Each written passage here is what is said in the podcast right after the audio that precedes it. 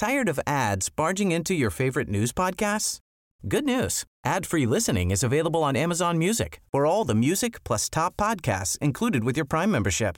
Stay up to date on everything newsworthy by downloading the Amazon Music app for free or go to amazon.com slash news ad free. That's amazon.com slash news ad free to catch up on the latest episodes without the ads. Ryan Reynolds here from Mint Mobile. With the price of just about everything going up during inflation, we thought we'd bring our prices down. So to help us, we brought in a reverse auctioneer, which is apparently a thing.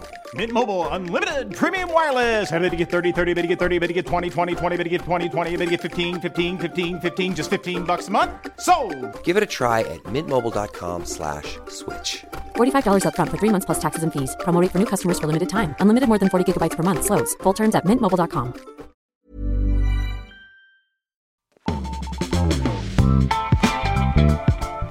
Då varvar vi väl igång en ny vecka, Fanny Wik. Ny vecka, nya tag.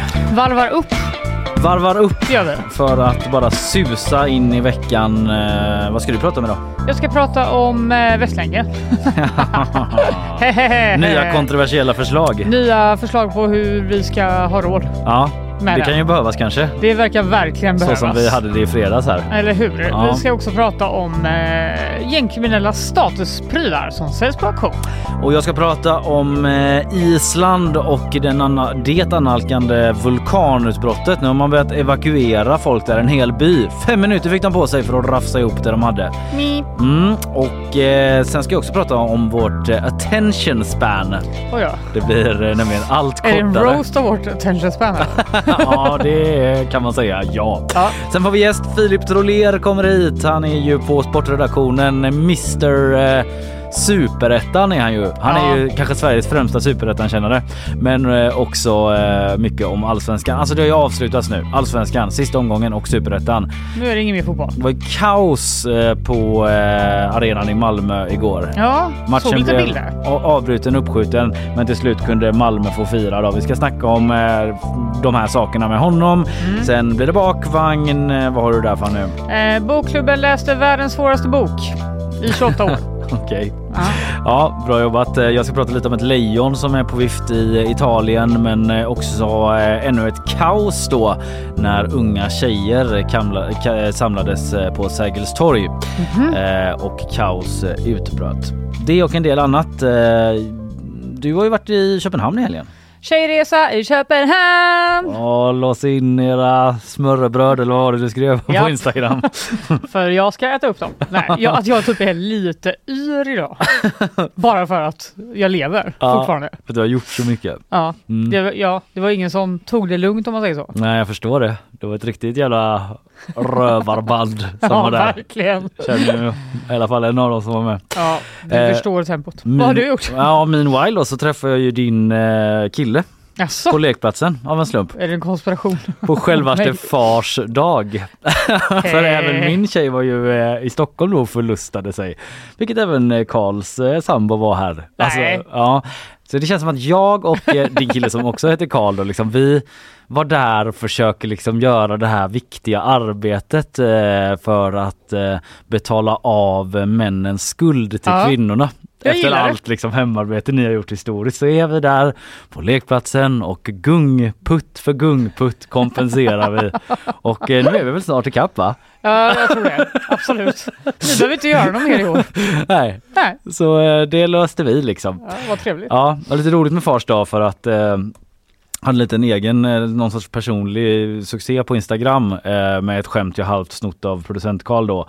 Om att liksom, eh, för att Karl, eh, när vi har en grupp på tre personer och så skrev en annan kompis så här, grattis på Fars dag till oss alla. Gulligt. Ja, och då skrev Karl grattis? frågetecken. Det är väl en kampdag? Att man liksom inte ska säga, säg inte grattis på Fars dag. Utan säg liksom, jag ser din kamp. Din kamp mot din familj. Det är så du har det hemma hos dig. Ja. Det var Karl som skrev det, men jag tyckte Ja. det var roligt. i alla fall. Det var roligt, jag tänkte liksom att jag, så här, gav, att jag skulle ge mig ut på så Nyheter 24, du vet, med en debattartikel. Idag skriver jag på Nyheter 24 om varför du inte ska säga grattis på Fars dag. Du hade säkert fått in den i GP. Fria ord i alla fall. kanske. det är inte svårare än så. Det här handlar liksom om att uppmärksamma föräldrar eller pappors rätt till lugn och ro och lite egen tid. Ja, det är verkligen något ni behöver.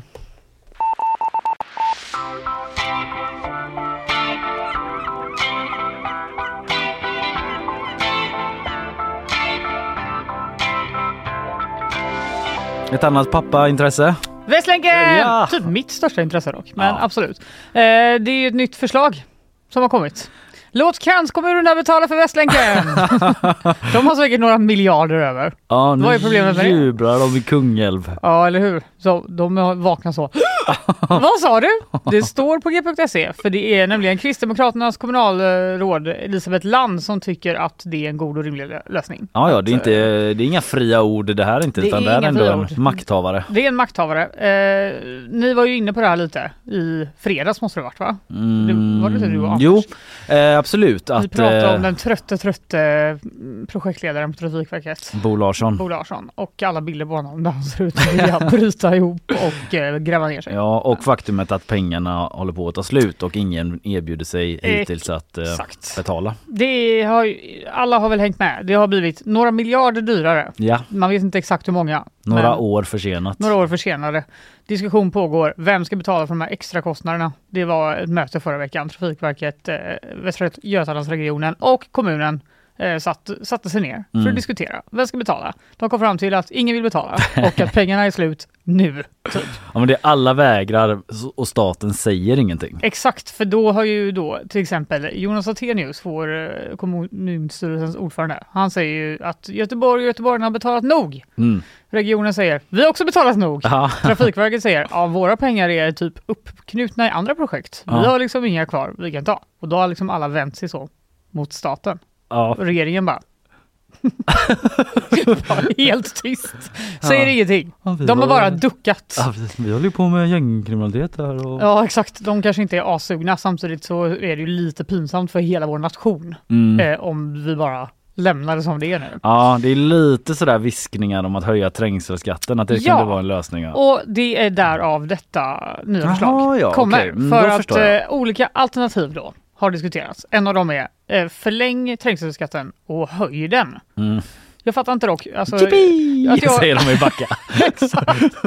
Men att jag kanske inte har fattat hur mycket pengar som kommer in där. Men eh, det verkar ändå vara typ ett alternativ för att täcka, jag vet inte, kanske inte allt. Men Men vet du vad det kostar? Alltså om du åker fram och tillbaka en viss sträcka varje dag typ till jobbet så är det ju liksom då är det en över, hundring typ. ja, över 100 spänn om dagen. Ja. Det blir ju snabbt mycket pengar. Ja det blir Kan man säga. Ja. Men eh, det här tycker alltså inte eh, Elisabeth Lamm från KD är ett bra alternativ. Okej. Hon tycker att kranskommunerna borde bidra. Det här är inte ett projekt för göteborgarna. Västlänken gör det mer attraktivt att bo och betala skatt i kranskommunerna och Mm. pendla in till Göteborg. Men vi, alltså göteborgare, förlorar skatteintäkterna, säger hon ja. Eh, Hon säger också att Trafikverket måste ta merparten av kostnaden, för det är deras ansvar. Mm. Bo, vi pratar med dig. Han bara, jag vet! Jag försöker. Eh, och så säger de, börjar man diskutera trängselskatt så borde göteborgarna undantas. För det är ju vår stad som har varit uppgrävd i många år och vi betalar redan ett högt pris. Mm. Genom att bara bo här. I det här stöket. Leva i detta. Ja, exakt. Mellan Eh, schakt och, exakt. Och hon... Nu, och mellan schakt och slukhål. Ja. En eh, biografi av Bo Larsson. så jag skulle verkligen läsa den. Ja, Det det- känns också som att den skulle vara så lång. typ, eh, systrarna av Jonas Hassan Khemiri är liksom ingenting i jämförelse med bara anteckningarna från möten som Bo har haft på Trafikverket. Alla upphandlingar. Åh! Legendariska upphandlingar. Exakt. Mm. Eh, det står också i en artikeln på g.se att eh, stora komplicerade infrastrukturprojekt tenderar att bli dyrare än planerat. Men trots det gjorde, gjordes aldrig någon uppgörelse på förhand om vem som skulle betala om Västlänkens budget sprack. Nej. Vilket ju är lite LOL ändå. För att eh, det var ändå det alla sa att den skulle göra från början. Ja, hon är inte helt utan poäng där. Nej, sen så bara tänkt så här, varför, eh, vad är det med Elisabeth Land? Varför brinner hon så mycket för det här? Och då säger hon i slutet att eh, hålen är öppna sår i centrum och mina barn minns ingenting annat.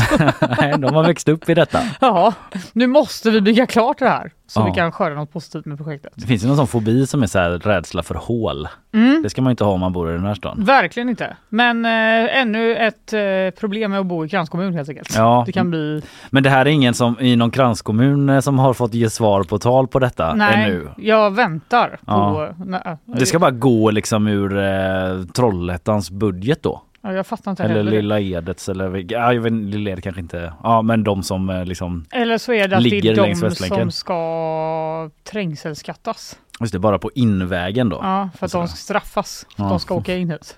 Och sen så får de ta Västlänken in. Ja. Det blir perfekt. Straffa Vänersborgarna.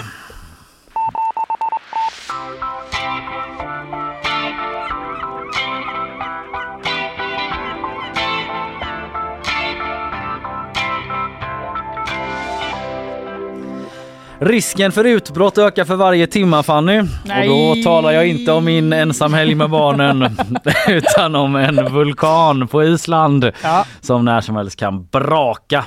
Spy ut sin magma som då blir lava och aska och orsaka förödelse och massvis av eller förödelse för massvis av islänningar. Du har väl eh, hört lite? Jag har försökt hänga med men jag fattade inte att det var så dramatiskt. Ja men det är det. Det var, Eh, jag hörde det här med Blå lagunen bara. Då tänkte jag, ja ja. De, Det- de kan inte chilla där i Blå lagunen en stund. Nej precis, det pratade vi om i fredags att Ja. de evakuerade den liksom ikoniska turistplatsen då. Mm. Eh, Men nu har man också eh, börjat evakuera hela städer. Eh, Det är staden Grindavik då som evakuerats helt och det handlar om cirka 3300 invånare i och runt den här stan. Eller Mhm. typ Fiskebyn, alltså det är en ganska liten stad då men ändå 3300 personer Mm. som fick lämna sina hem under lördagen. Men under söndagen fattade, beslut, eh, fattade polisen beslut om att de skulle få återvända då för att liksom rafsa ihop lite grejer. Ja. I fem minuter. Ja, alltså, vem har så bra koll på sitt liv? Vad skulle du ens ta om du fick fem minuter?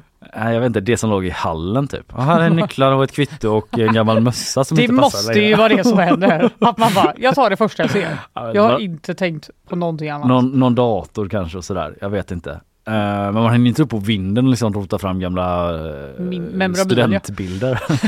Tack och lov. Ja, och för sig. Nej, men de fick eh, åtföljas av räddningstjänst då för att ta sig tillbaka till sina hem och så fick de en fem minuter på sig där att rafsa ihop grejer. Skriver bland andra Aftonbladet som också rapporterar att eh, många har tvingats lämna sina husdjur kvar då. Det finns en lista som består av 58 kast- katter, 49 hästar, 50 höns, 13 papegojor, 130 duvor, två kaniner och två hamstrar.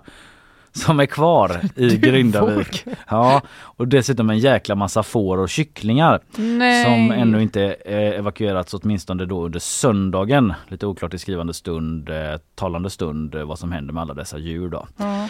Men under söndagskvällen så höll dessutom Islands president Gudni Johannesson ett tal eh, till de boende eh, som evakuerats. Det gjorde han i mäktiga, mäktiga Hallgrims kyrka i Reykjavik. Det kan ni bildgoogla, den ser rätt cool ut faktiskt. Eh, vi ska lyssna lite när han talade. Det låter lite som att det pågår ett vulkanutbrott utanför. Eller åtminstone rörelser i marken. Jag vet inte vad det är. Det är inte det. Men ja, jag vill bara säga det om man tycker det låter lite skumt. Så här lät det när han talade. We gather here now to show our solidarity Oj. and compassion and sympathy for those who had to leave their homes so suddenly without knowing what will happen next. We will get through this together. Jo. Fan vilken panik. Det här det är som ett flygplan som flyger över typ. Jag har tagit det här ljudet från Sveriges Radio och jag vet faktiskt inte, de kommenterar inte vad det är som låter i bakgrunden. De bara, ingen kommer tänka på det. Bara, jo, alla kommer tänka på för det. nyheten handlar liksom om att lava snart liksom rasar fram. Ja, det är ju som en riktig film, att det verkligen är på väg ner Ja. mot honom. Alltså det där. lät ju typ som en president som talade under en alien-invasion eller någonting. Men eh, jag vet inte vad det var som lät, det kanske är något vindfenomen i den här väldigt speciella Ja, kyrkan. den ser ju lite konstig ut. I alla fall eh, mellan fredag kväll och lördag morgon åtminstone så noterades dock 500 skalv i det här området. 14 av dem eh, med en magnitud på över 4 skriver eh, DN. Och eh, det har liksom redan lett i Grindavik då till sprickor i marken och sånt i asfalten, hål i marken. Jag har sett en del eh, bilder. Ehm, Stressens... Ja. Verkligen. Och risken för utbrott är som sagt mycket stor. Då. Man snackar om dagar eller till och med timmar eh, som är tidsspannet för när någonting kan hända. Och det som har skett då, det här vi talar om Fanny, det är inte en sån här klassisk traditionell vulkan som jag antar att du ser framför dig. Den konformade som spyr bara, ut Den magma. enda vulkanen Ja, som finns. det är inte det. Utan det här handlar om en 15 kilometer lång magmatunnel. Ah! Det är inget man eh, vill vara i direkt. Den har uppstått under mark, självklart då 800 meter ner på sitt grundaste ställe och eh, den går delvis under vatten. Men också under Grindavik då och kringliggande områden. Och eh, flera rapporter pekar då på att den här magman håller på att nå marken. Och då snackar vi om ett utbrott. Det går alltså som en fåra under mark där det antar jag då pulserar fram magma och eh, vid större skall så kan den här liksom ploff Spricka upp. spricka upp ja. Fy vad läskigt. Och det är oklart om det kommer ske i den här stan eller ute i havet. Och eh, Jörge Johannes Vigum är en geolog eh, som eh, norska VG har pratat om och han eh, lyfter just det här att man inte vet vart det, vart eh, det kommer ske någonstans men även om det inte blir mitt i stan så kan det få väldigt stora konsekvenser bland annat för infrastruktur då. De här våldsamma skakningarna också, inte bara själva utbrottet, kan eh, påverka värmekraftverk. Det är ganska viktigt på Island va? Ja, det känns eh, som att det är vinter där också nu. Ja, eh, det är fjärrvärmen till Njerdvik och Keflavik eh, som kan slås ut då. 30 000 pers eh, kan eh, förlora liksom fjärrvärme och varmvatten säger den här geologen och det skulle ta månader att reparera. Ah, Och det är tydligen 50 år sedan en stad på Island drabbades av ett vulkanutbrott skriver Aftonbladet och vi minns ju alla Eyjafjallajökull. ja, Ikonisk vulkan som ju strandsatte tusentals flygplan då eh, 2008 eller något sånt där var det väl. Eh, och eh, med de här massiva utsläppen av aska då. Det var väl liksom senast det var en vulkan eh, på Island som som ju blev världsnyhet. var på den här nivån i alla fall. Ja, vi Ja, får se då. då. Det kan röra sig om timmar på Island innan magmatunneln exploderar. Tusentals har evakuerats och eh, många håller andan.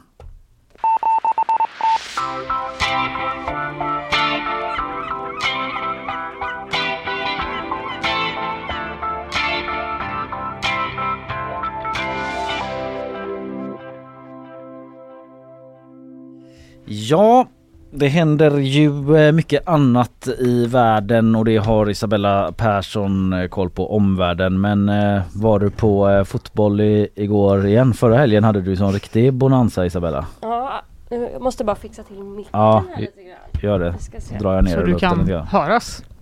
Nu va? Ja, den har tagit lite helg den där micken. Ja, nu är den med Nu igen. får du börja jobba igen. Nu är den redo. Ja. Ja, jag var inte, jag har inte sett någon livefotboll i helgen. Men däremot har jag kollat på väldigt mycket fotboll på TV. Ja. Dubbla skärmar, trippla skärmar. Trippla Åh, skärmar ja. hos Perssons. Nu eh, fokuserar vi eh, bara på eh, nyhetssvepet. Eh, varsågod Isabella. En eh, skottlossning ska i natt inträffat vid en bostad i Angered. Polisen larmade strax innan klockan ett och på plats hittade man då tomhylsor och kunde konstatera att man skjutit mot en entrédörr. Vad polisen vet ska ingen kommit till skada men man utreder nu händelsen som försök till mord. I samband med en stor demonstration för Palestina så ska en palestinsk flagga hissats upp på Gustav Adolfs torg. Händelsen inträffade igår och enligt polisen ska mellan 3 och 4 000 personer deltagit i demonstrationen som i övrigt ska ha varit lugn. Tidigare har politikerna i Göteborg diskuterat om Israels flagga skulle få hissas på torget. Oppositionen föreslog det för att de ville visa stöd för landet men kommun, kommunfullmäktige sa nej eftersom det bröt mot stadens flaggpolicy. En annan större demonstration ska igår ha genomförts i Paris där över 100 000 personer samlades för att demonstrera mot antisemitism i staden. Flera franska toppolitiker ska ha deltagit och det sker efter att hatbrotten ökat kraftigt den senaste tiden i landet. Budskapet som förmedlades var att inte blanda ihop den judiska befolkningen med landet Israels handlingar. Gazas största sjukhus Al-Shifa ska inte längre vara funktionellt, det uppger Världshälsoorganisationen. I och med bränslebristen så ska det vara svårt att hålla igång strömmen på sjukhuset och Al-Shifas direktör uppger att ingen av operationssalarna längre är i bruk. Dessutom ska syrgasen tagit slut vilket innebär livsfara för bland annat för tidigt födda barn. Strider ska ha pågått runt sjukhuset de senaste dagarna och det ska mer eller mindre vara belägrat. Enligt Israels militär så ska Hamas byggt bunkrar under sjukhuset, något som de själva förnekar. Tack Isabella. Kan upprepa att Filip eh, Troler eh, kommer hit eh, om ett tag. Vi ska snacka ner den allsvenska avslutningen som ju var väldigt rafflande igår Ja. eftermiddag. Det känns ganska skönt att få liksom samla ihop sig efter den här helgen. Lite closure Ja. tillsammans med Filip Troler. Det är lite sorgligt att det är slut men det var Ja. kul, Ja, kul att Ja, jag, känner, jag känner samma. Det var Mm. ju eh, väldigt eh, dramatiskt får man ändå säga, inte bara fotbollsmässigt. Eh, det kom ju snarare i skymundan då i matchen mellan Elfsborg och Malmö där allting avgjordes. Där Först de liksom försökte elda sönder ett nät. Elfsborgsfansen och sen gick brandlarmet efter det. De skulle utrymma arenan eh, helt men alla bara sket i det. Och eh, typ två timmar senare började de spela. Jag såg ju även då eh, ÖIS eh, match på lördagen Mm. där det också var avbrott och tyckte att herregud det här, den här matchen tar aldrig slut. Nej. Och sen så- fick jag liksom, det är den längsta matchen jag har sett och Ja. sen så kom eh, finalen mellan eh, Malmö och Elfsborg och bara okej det här var den längsta matchen jag har sett. Den matchen bara, hold my beer. Exakt. Isabella får ha trippelskärm Ja. ett tag till. Ja, Ja. Filip Troler om en liten stund men först lite andra nyheter. Tack Isabella! Tack.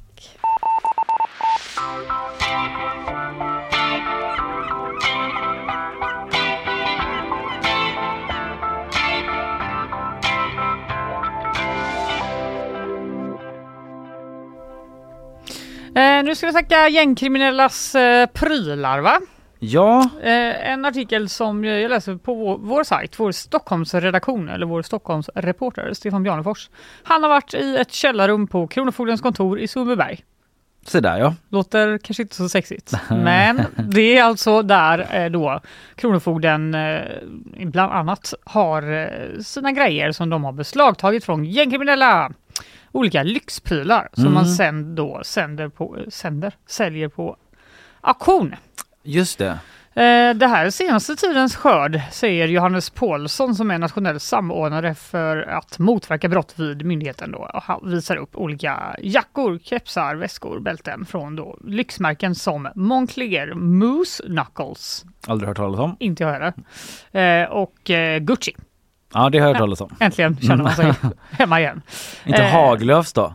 Nej, det, jag letade specifikt efter Haglöfs eftersom jag vet att du är klädd i det, Kalle. Men, eh, Och man har hört rapporter. Det liksom nådde mig eh, ett halvår efter att jag hade fått det här Haglöfsregnstället att även eh, det är gängkriminella har det. ja, mode bland kriminella. Exakt, ja de har säkert det där också. Det är ju liksom jackor i eh, 10 till 15 000 kronors Ja. klassen. Ja, det är ju inte min Haglöfs då. Nej, Men- det här är liksom lite mer tjockare Ja. vinterjackor. De har också smycken, guldkedjor, guldringar, elsparkcyklar, Rolex-klockor och eh, typ bilar Mhm. som de har då eh, beslagtagit. Och det kan man, eh, det, auktioneras ut, det det? auktioneras ut. Eh, det är helt enkelt under polisingripanden i då, det här är ju Stockholmsområdet, Mm. under den senaste veckan har Oj. man beslagtagit allt detta. Eh, och det står typ, flera beslagtagna bilar står i garaget intill, vilket innebär att det snart är dags för en ny auktion för allmänheten. Fan vad sjukt. Ja, det är ändå Ändå knäppt att typ köpa så kurdiska rävens bil. Nu är det Eh, väl inte han men nödvändigtvis. inte just han personligen, men det är ju säkerligen eh, folk som eh, är i hans nätverk på olika sätt Ja. som har gripits.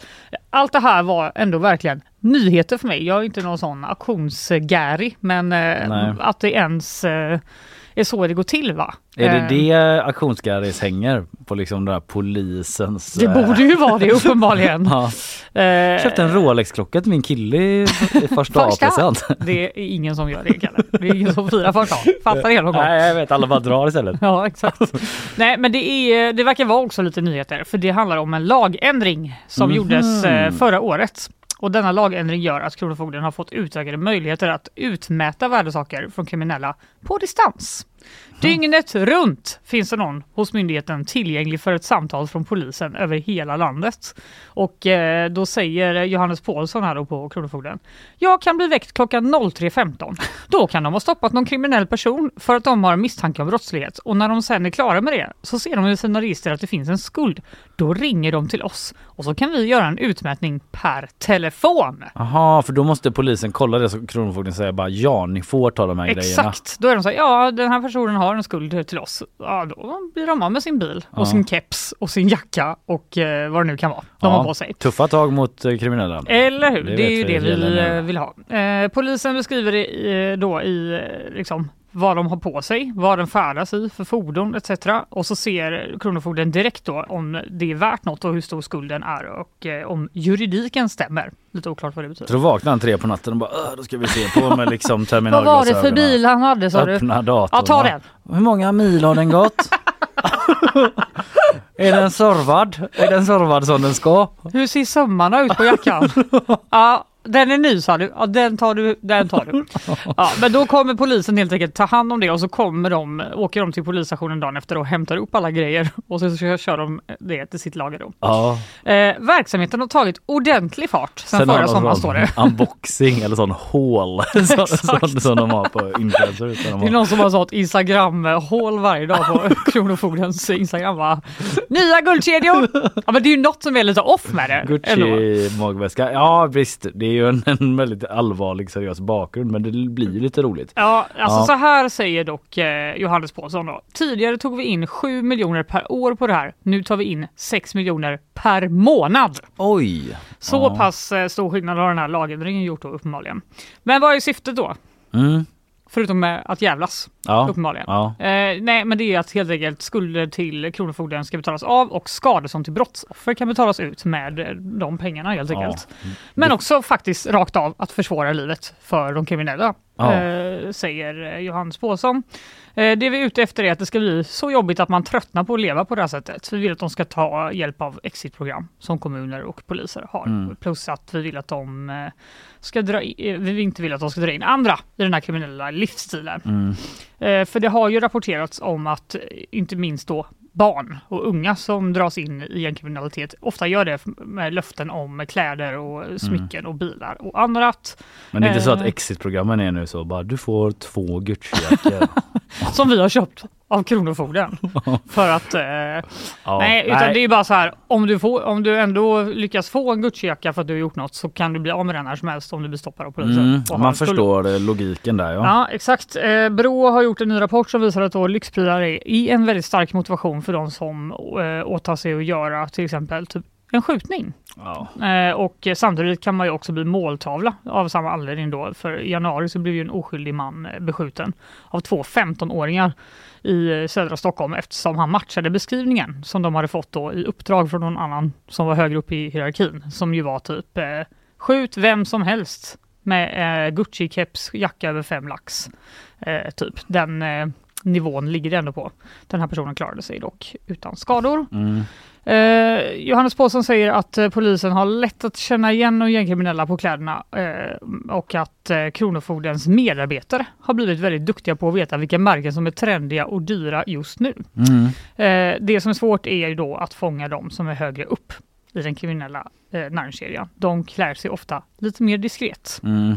Och mindre flashigt. Ja, det är jävligt obehagligt alltså. Ja, det är väldigt speciellt. Men typ jag eh, går runt där i mitt Haglöfs regnställ. Jag är inte så rädd att jag ska bli så här. Skjuten. ser ju nästan Nej. ut som jag ska japp någon själv typ. Ja, det är ju också bara själva, alltså att de kan se då vad som trendar, de som jobbar på Kronofogden. Ja. Jag känner att jag har fått en helt ny bild av hur det är att jobba på Kronofogden. Ja. Rena, rena CSI är det.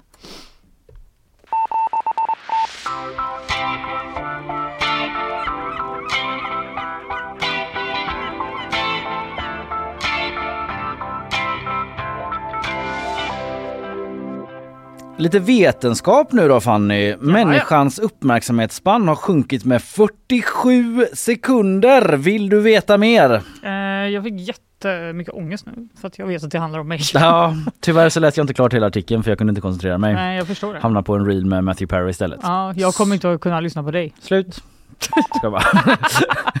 Alla bara, vad skönt. Ja, ingen orkar liksom eh, se sig själv i spegeln. Eh, men det är SVT som skriver om det här. Eh, tydligen görs det studier på vårt attention span säger jag, men uppmärksamhetsförmåga, koncentrationsförmåga kan man väl säga på svenska. Ja, det borde man väl kunna. Det går ut då på att eh, forskare på University of California har kollat på hur lång tid det tar innan vi går från en uppgift som de kallar det, Mhm. en grej man gör på skärmen till en annan. Mm. Alltså hur snabbt man flippar emellan. Mm. Ja, I've been known. Ja, eh, 2004 så låg eh, den här tiden på 150 sekunder, alltså två och en halv minut stannade man på en grej 2004. Va? Ja, Det var ju otroligt då länge. fanns väl knappt eh, smartphones så det kanske satt på desktoppen liksom. Du bara satt och tittade på en bild. Så. Ja. Ja, men det tog ju 100 år att ladda den typ. Så det kanske hjälpte, Kanske var därför. hjälpte. 2012 låg den på 75 sekunder och nu är vi alltså nere på 47 sekunder. Förlåt, jag sa i början att den sjunkit med 47 sekunder. Vi är nere på 47 Ja, sekunder. Ja. Eh, men eh, relaterar du Fanny? ja, jag tyckte det lät långt. Ja, det är väl i snitt då eh, över Ja. befolkningen. Hur, skulle du, hur länge stannar du liksom på en uppgift? Det känns som att jag liksom bara sitter och alltså inte stannar alls. Doomscrollar. Ja, Vad stannar du längst på? Du måste ändå stanna ibland om du ska läsa typ en nyhet Ja, kanske? det är ju det som tar längst tid. Ja. Men då tycker jag ändå att man har lärt sig att eh, Skumma. skumma den rätt snabbt. Va? Ja, vi som läser så mycket nyheter också, man Mm. vet ju ungefär, alltså det finns ju ändå en eh, standardisering för eh, Exakt. i vilken ordning vissa saker kommer Det märker man ju. viktigaste i början. Ja, precis. Så är det. Men eh, i alla fall, man har väl haft det på känn då som du säger, men det är väl skönt att ha siffror på Ja, det det här. För det har tydligen också cirkulerat sådana nedriga rykten, elak och falsk ryktespridning Va? om att vi skulle vara nere på åtta sekunder. Ja, det, det människor- hade jag. Det, det handlar om mig. Att vi ligger på en guldfisks nivå. Ja. Ondsinta rykten som visst stämmer då i vissa fall men ändå generellt sett så är det nedriga rykten. Ja. Det är en myt att vi ligger på en guldfisks nivå säger eh, Mr Hjärna nummer ett eh, senaste tiden. Anders Hansen. Jaså? Du vet Ja, Anders Hansen. alla- alla vet Alla vet. Eh, han säger det till SVT. Han är läkare och psykiatriker då. Och eh, han konstaterar då att eh, den här koncentrationsförmågan har sjunkit. Det gör ju även Ja. den här studien då. Men han är med på det. Eh, och vad är boven i dramat? Jo men det är ju eh, sociala medier framförallt. Ja. Ingen behöver vara ledsen, det är inte ditt fel. Utan det är de här dumma, dumma sociala medierna Ja, som eh, tar ifrån oss all agens och gör oss till eh, slavar. just det. Vi kan under- inte hjälpa det. Nej, precis. Det är designat för att vi ska vara som en guldfisk. Ja, Men då, nu finns det här och då måste Ja. jag vara där. Jag har ingen egen vilja. Nej.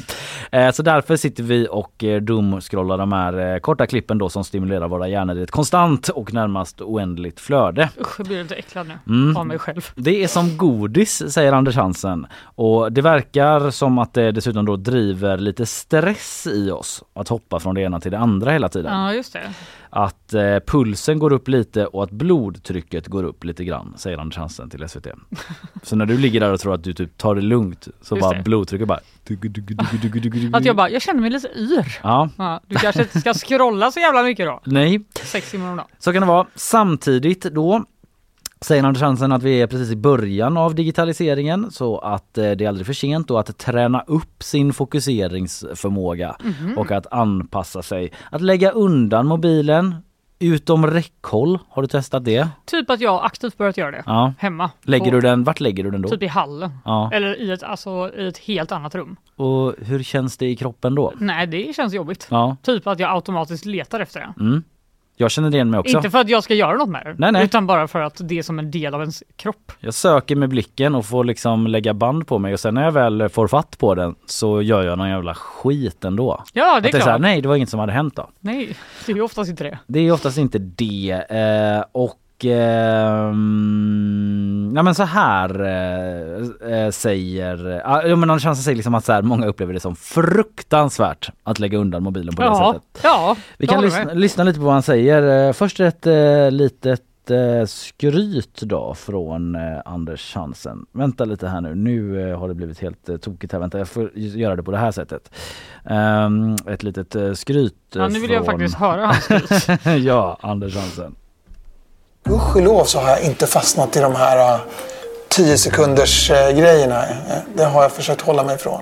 Mm, Ja, det kunde man ju tro. Good for you, Ja, Anders men Hansen. skulle han verkligen sagt det om han hade gjort det då? Kanske inte. Eh, vi får väl se liksom eh, om han om några veckor ligger i eh, soffan i kalsongerna en solig lördag och bara scrollar och scrollar och scrollar. Ja.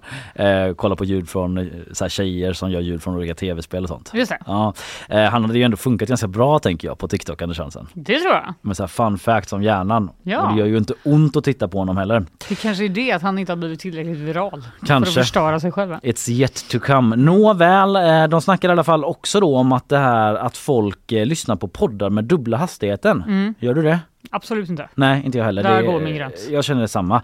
Enligt Anders Hansen i alla fall så tar man inte inf- information lika bra då när man lyssnar så snabbt. Eh, För man hinner inte, inte interagera med det som sägs mot våra egna erfarenheter, säger han. Typ att det Mhm. inte hinner landa i hjärnan. Nej. Du hinner liksom inte processa det eh, helt eh, enkelt. Så här säger han då. Jag tycker de viktigaste grejerna, de ska man inte höra i en och en halv gångers hastighet. De ska man höra i 0,5 gångers hastighet. Ja precis. Så eh, frågan är om man lyssnar på så många viktiga poddar då. Nej. Men då borde man eh, eh, dra ner det. Typ om man vill ta in verkligen eh, Sigge Eklunds senaste spaning. Då ska Han du lyssna på så den långsamt ändå. halva tiden. Ja precis. Nack- Varför kan man inte bara få lyssna på det som det är? ja, men inte om du verkligen vill ta in det. Det borde vara halva hastigheten. Nackdelen är då att du kommer vilja liksom blow your fucking brains out. För det blir så långt. Det blir så tråkigt. Ja, så Mm. tajta till det Sigge, du kan vara farlig. Mm. Eh, det är ju samma då med folk eh, som scrollar när de ser eh, film och så eller kanske har ett eh, samtal. Så hjärnan funkar inte effektivt när vi försöker multitaska. Nej, så är det helt enkelt. Nej, Att man liksom förlorar tid när man multitaskar snarare för man måste typ göra om allting. just det. Lägga tid på att någon ska skälla på en för att man inte lyssnar och be om ursäkt för att jag skulle bara skriva färdigt det här smset eller jag Mm. fastnade i en blooper från The Office som jag sjukt nog inte sett. Förlåt. Och så har det gått massa tid på Om det. du nu inte har sett den så var det väl värt kanske. Kanske. Eh, ja, eh, men vad kan man eh, göra då? Eh, ett tips är inte ett skit. Vi vet också att när man inte gör någonting utan bara dagdrömmer så går ett antal områden i hjärnan igång eh, som är viktiga för kreativitet. Som kallas för default mode network. Så jag tror när vi försöker swipa bort varje liten lucka i våra liv så går vi miste om någonting. Och inte- inte minst vad gäller kreativitet. Vi får ofta våra bästa idéer när vi tänker på något annat. Mhm. Men det här är bra för jag har en ny utmaning för mig själv. Vad är det och då? det är att jag inte, jag ska bara gå, jag går ju mycket. Och att jag inte ska lyssna på något när jag går och då inte heller ta upp mobilen, vilket man också gör kanske var tredje Mm. minut. Ja, jag har ju fått en sån axelskada för att jag gör den rörelsen Exakt. gånger. Jag tror det är därför i alla fall. Ja, jag tror också att det är därför. Eh, och det känner jag också typ eh, den enda gången jag kanske får en relativt unik idé är när jag duschar. Ja. För då har kan jag inte ha mobilen. Ja, jag vet inte. Jag har också börjat ligga sjukt nog på sådana spikmatta. Jag hade skrattat rakt ut om jag fick höra det för några år sedan att jag skulle göra det. Men jag gör det ibland och där är inte sensationen äh, själva spikarna eller så. Utan det är efter 10 minuter när jag har legat så pass länge och bara Mm. stirrat i taket. Att det infinner sig ett sånt jävla välbefinnande. Alltså förlåt för att man låter som typ en vad- guru Okej, eller så då gör du det när det är tyst? Och, alltså, Ja, inte... barnen har lagt sig så här så ligger jag på den och bara stirrar rätt upp i taket och det blir en sån jävla, det är typ en jävla rush att inte Wow! göra någonting. Ja men faktiskt att Tips det från är Kalle, gör ingenting. en sensation i kroppen. Ja från Mm. mig och Anders Hansen då. Ja, ja, ja. Samtidigt är vi för rädda, jag vet inte. Eh, vi får ju ut jävligt mycket av telefonerna också. Är det liksom Gud, ja. videovåldsdebatten? Vi är bara rädda för ny teknik som Mm. ändå ger oss mycket också. Jag AI. vet inte. Eh, I alla fall en eh, liten rapport eh, från eh, forskare i USA och Mm. Anders Hansen. Mm.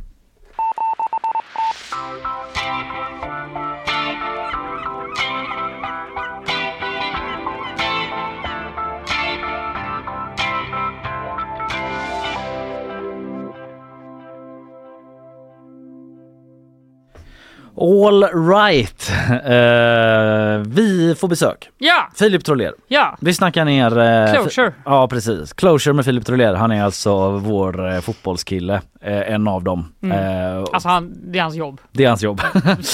Han är från GP Sporten och Ja. vi ska snacka ner den allsvenska avslutningen. Det var ju fullt kaos faktiskt på Eleda stadion i Malmö igår när allsvenskan avgjordes mellan Malmö och Elfsborg. Det ska vi snacka om och också om den sinnessjuka dramatiken i Varberg när Blåvitt redde ut eh, såsen.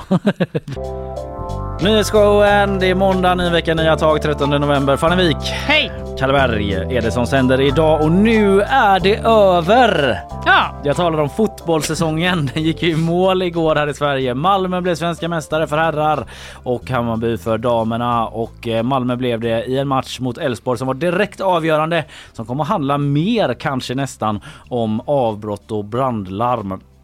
Samtidigt höll IFK Göteborg eh, Ja, eh, jävla holmgång nere i Varberg, gastkramande tillställning där man eh, löste det allsvenska kontraktet med minsta möjliga marginal. Ja, det var en helt eh, brutal avslutning på det här fotbollsåret och en som har liksom krigat på hela året och eh, gett oss sitt allt. Det är ju Filip Troler och vi ska vrida ur den eh, trasan som är Filip Troler ett sista varv här innan du får slappna av helt. Eller hur känns det Filip? God morgon först och främst. Ja, det här är det sista jag gör, sen faller jag ihop. det är så det känns ändå. Nej, jag ska inte ta i för mycket nu, men det är klart att det har varit en eh, otroligt intensiv höst. Eh, jag har, eh, om vi tar Göteborgs perspektiv på fotbollen, så har jag aldrig upplevt något liknande. Vi har ju haft 6-7 lag här som har eh, haft saker att spela för hela vägen in i kaklet egentligen och så har jag aldrig varit med om liknande alltså. Nej, det är ju guys som du har följt Mm. länge liksom som Mm. en otrolig resa. Så ÖIS som håller på att åka ut. Det var liksom Ja. toppar och dalar. Verkligen, det har ju varit, eh, man har fått se eufori då, Gaisarna som går upp till, till allsvenskan på första gången på, på 11 år och sen har vi Utsikten, lilla Utsikten Ja. som är på väg upp i allsvenskan. Vi har haft Elfsborg som har krigat om guld och Häckens tjejer som har krigat om guld och Elfsborg som har krigat om guld och ÖIS och Blåvitt som har varit i bottenträsket och slitit för sina liv där. Så nej, galet alltså. Men du eh, satt ju hemma igår och följde matcherna. Du fick vara ledig. Ja, Jag blev petad i slutet här. Ja, hur kommer det sig? Nu får Var det för att vara snäll eller var det för... Nej, Nej, de var trötta på mig nu tror jag. De kände att fan vad han har fått bre ut sig och hålla på. Nu måste de få någon annan här när allt ska avgöras. Nej, nej, men det var att eh, jag har haft mycket fokus på superettan under hösten. Alltså, och kört stenhårt där och det var ju en, eh, det var ju grand final för det liksom i, i lördags med Gais utsikten på Gamla Ullevi där utsikten säkrade det här allsvenska kvalet då. Eh, och Gais kunde ha ett, ett enda långt firande bara för de var ju redan klara. Och så följde vi ÖIS parallellt och som räddade sig till ett kval ner i Landskrona också. Så jag var rätt eh, utmärglad här Ja. efter lördagen. Hur såg du ut under söndagen då? Hur var liksom skärmsetappen hemma hos Ja, men Vad den hade du för snacks? Det, ja, vad hade jag för snacks? Eh, jag hade ett eh, trött Eh, Pringles-rör lite rester kvar från eh, som, som jag hade letat och mumsat på lördag natten när jag skrev de sista texterna då. Och sen, eh, ja det var väl det tror jag och så, ja något wienerbröd hade Ja. nog min eh, sambo köpt också. Det var ju fars dag, eh, min eh, andra fars dag i livet här så vi, Grattis! det, tack, tack, tack, tack. Så eh, det satt jag och käkade lite på också. Men eh, det var eh, på tvn då körde vi Malmö-Elfsborg Ja. och sen naturligtvis en, eh, en dator med, med Blåvitt Varberg och eh, sen hade vi mobilen lite Häcken, eh, BP Häcken där också. Så vi, vi täckte allt egentligen. Det eh. låter som Isabella Perssons eh, setup ju. Tre Ja. skärmar. Ja. Men är, är du, jag kände på det, innan när Isabella var så här, det känns lite sorgligt.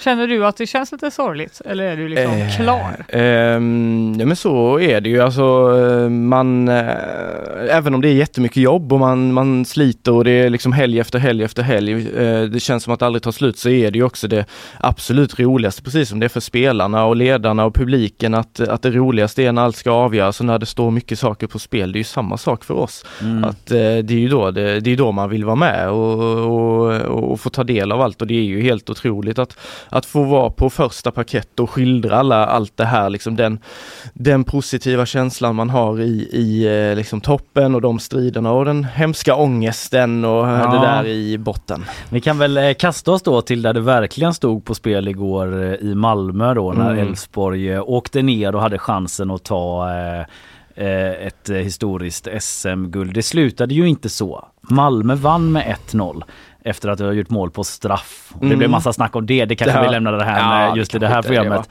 Men eh, det som vi ändå måste tala om är ju eh, det som skedde på läktarna också. Mm. Det blev ju i paus. Vill du beskriva vad var det som hände där egentligen?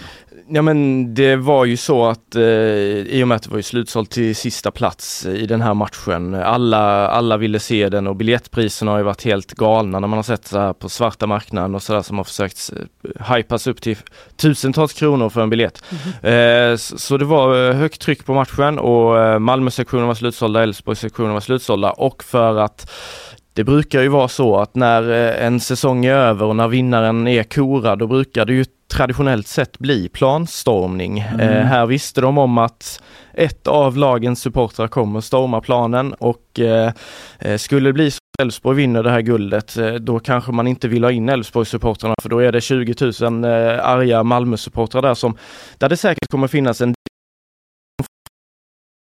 att hade Typ blivit försvara sin Ja men arena, typ, det är ju citationstecken. mycket, det kan ju vara mycket tugg om det där liksom att ingen ska få fira på vår hemmaplan och alltså Mm. man, man ska ut eh, skyddas. Lite skolgårdsstämning Ja, lite, ja men får det får man säga. Ja Mm. det får man säga. Eh, och då i och med detta så hade ju Malmö då gjort vad de hade kunnat för att bura in De hade någon typ lite. av nät Ja, som hängde för. exakt. Ja. Va, vadå bokstavligt talat? ja. Ja, inte, nu ska vi inte beskriva det som att det var några kra- kravallstaket eller något sånt där, men det var som Kalle säger nät eh, för att försvåra deras eh, möjligheter då att ta sig in på plan vid, Ja. en, vid en slutsignal. Eh, och det gillar inte Elfsborg-supportrarna för de ville gärna ha fri väg och kunna, kunna löpa in fint om det hade blivit guld. Mm. Eh, så i paus så är det då ett gäng maskerade människor eh, som använder pyrotekniska pjäser, bengaliska eldar för att tända eld på de här näten, bränna ner skiten så att det Mm. skulle kunna bli, bli fritt svängrum för dem. Eh, och det ser naturligtvis inte, eh, inte bra ut och i samband med detta blir det också hetsigt mellan långsidan där, där Malmö-supportrar är och det, det kastas väl lite nu har vi inte det, jag tror det är bättre att de som var på plats beskriver exakta detaljer, Ja. men vad, vad de rapporterade om så kastades ju bengaliska eldar mot ordningsvakter och viftades och det var liksom väldigt aggressiv stämning. Ja, och det var ju också det här då att man aldrig visste när matchen skulle börja igen. För Nej, medan det här precis. pågår så är ju alla spelarna får vara kvar inne i, i katakomberna, omklädningsrummen. Och eh, det var snack i sändningen då att de var tvungna att liksom sätta dit ett nytt nät och det hade ju tagit flera timmar liksom. Ja, om man ska liksom klättra upp på Ja, taket och fästa det och sådär. Lirat nu fortfarande kanske. Ja men precis och sen så till slut så bestämmer de så bara nej men vet du vad vi skiter i det nätet då Mm, och så mm. kör vi i alla fall. Mm. Och jag vet inte hur de resonerar, det vet väl ingen av oss. Här, vi får se vad som händer. Eller att de ställer dit fler ordningsvakter eller Ja. sådär. Men eh, då, när alla väl kommer ut då, Mm. eh, då bestämmer sig Malmöklacken för att bränna en jävla massa bengaler på sin sida. Vilket gör Ja. att brandlarmet går ju. Ja, Och eh, det tyckte jag, när de då började efter ett tag ropa upp i högtalarsystemet att hela arenan måste evakueras. Mm. Det uppstod ju en väldigt stor osäkerhet även i tv för de som sänder matchen från Discovery, alltså det bolaget. De måste ju också lämna egentligen. Ja så är det ju och mina kollegor Sanna Sundberg och Robert Laud som var på plats, den kommunikationen eh, jag tog del av där var ju att de hade ju fått, eh, först fick de info, ni måste ut härifrån. Mm. Eh, men det där ändrades fram och tillbaka. Men det börjar ju med att någon sån här eh, brandlarmet går och så kommer någon sån här automatröst liksom, arenan måste utrymmas. Och, så, och så tror folk, vad fan händer här? Men ståplatsläktarna de tänker ju inte flytta på sig. De Nej. tänker att fan det här är bara lite rök liksom. Men det var väldigt oklart där och det var ju människor som som lämnade, jag vet inte om de lämnade tillfället, jag har svårt att se att någon gick hem från den här matchen. Men det blev ju, ja det var mycket märkliga scener och faktum var ju att det tog ju över en timme det här Mm. uppehållet vilket är ja helt sjukt ju. Men jag fattar inte, alltså, för, nu är inte jag rätt person kanske att prata om det här, men jag känner bara, vad tröttsamt.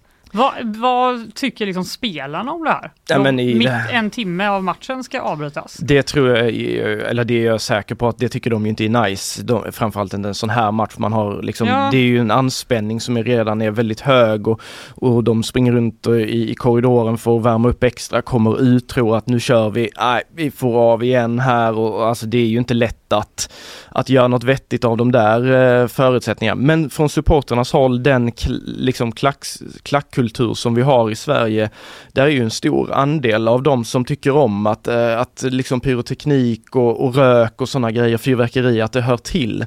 Eh, den här ultraskulturen, de tycker att det tillför och det går ju att ha delade åsikter om det där. Vissa tycker inte om det och andra tycker om det. Jag kan tycka att det är ganska nice i vissa sammanhang, men det är ju fortfarande så att det är illegalt illegalt liksom. Mm. Det är inte tillåtet. Ja, plus att de uppenbarligen inte kan spela fotboll. Nej precis. Vilket väl ändå är poängen. Ja det är bra fan. Ja, det, det, det, det är poängen.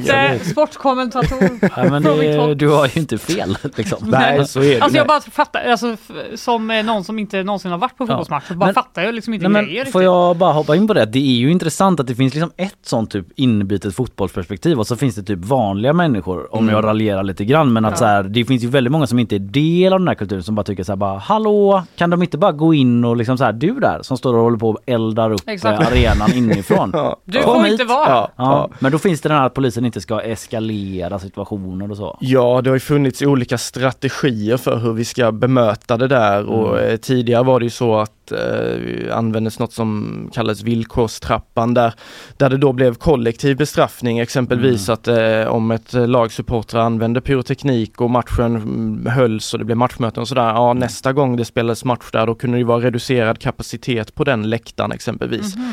Men jag tycker väl inte att det är rätt väg att gå.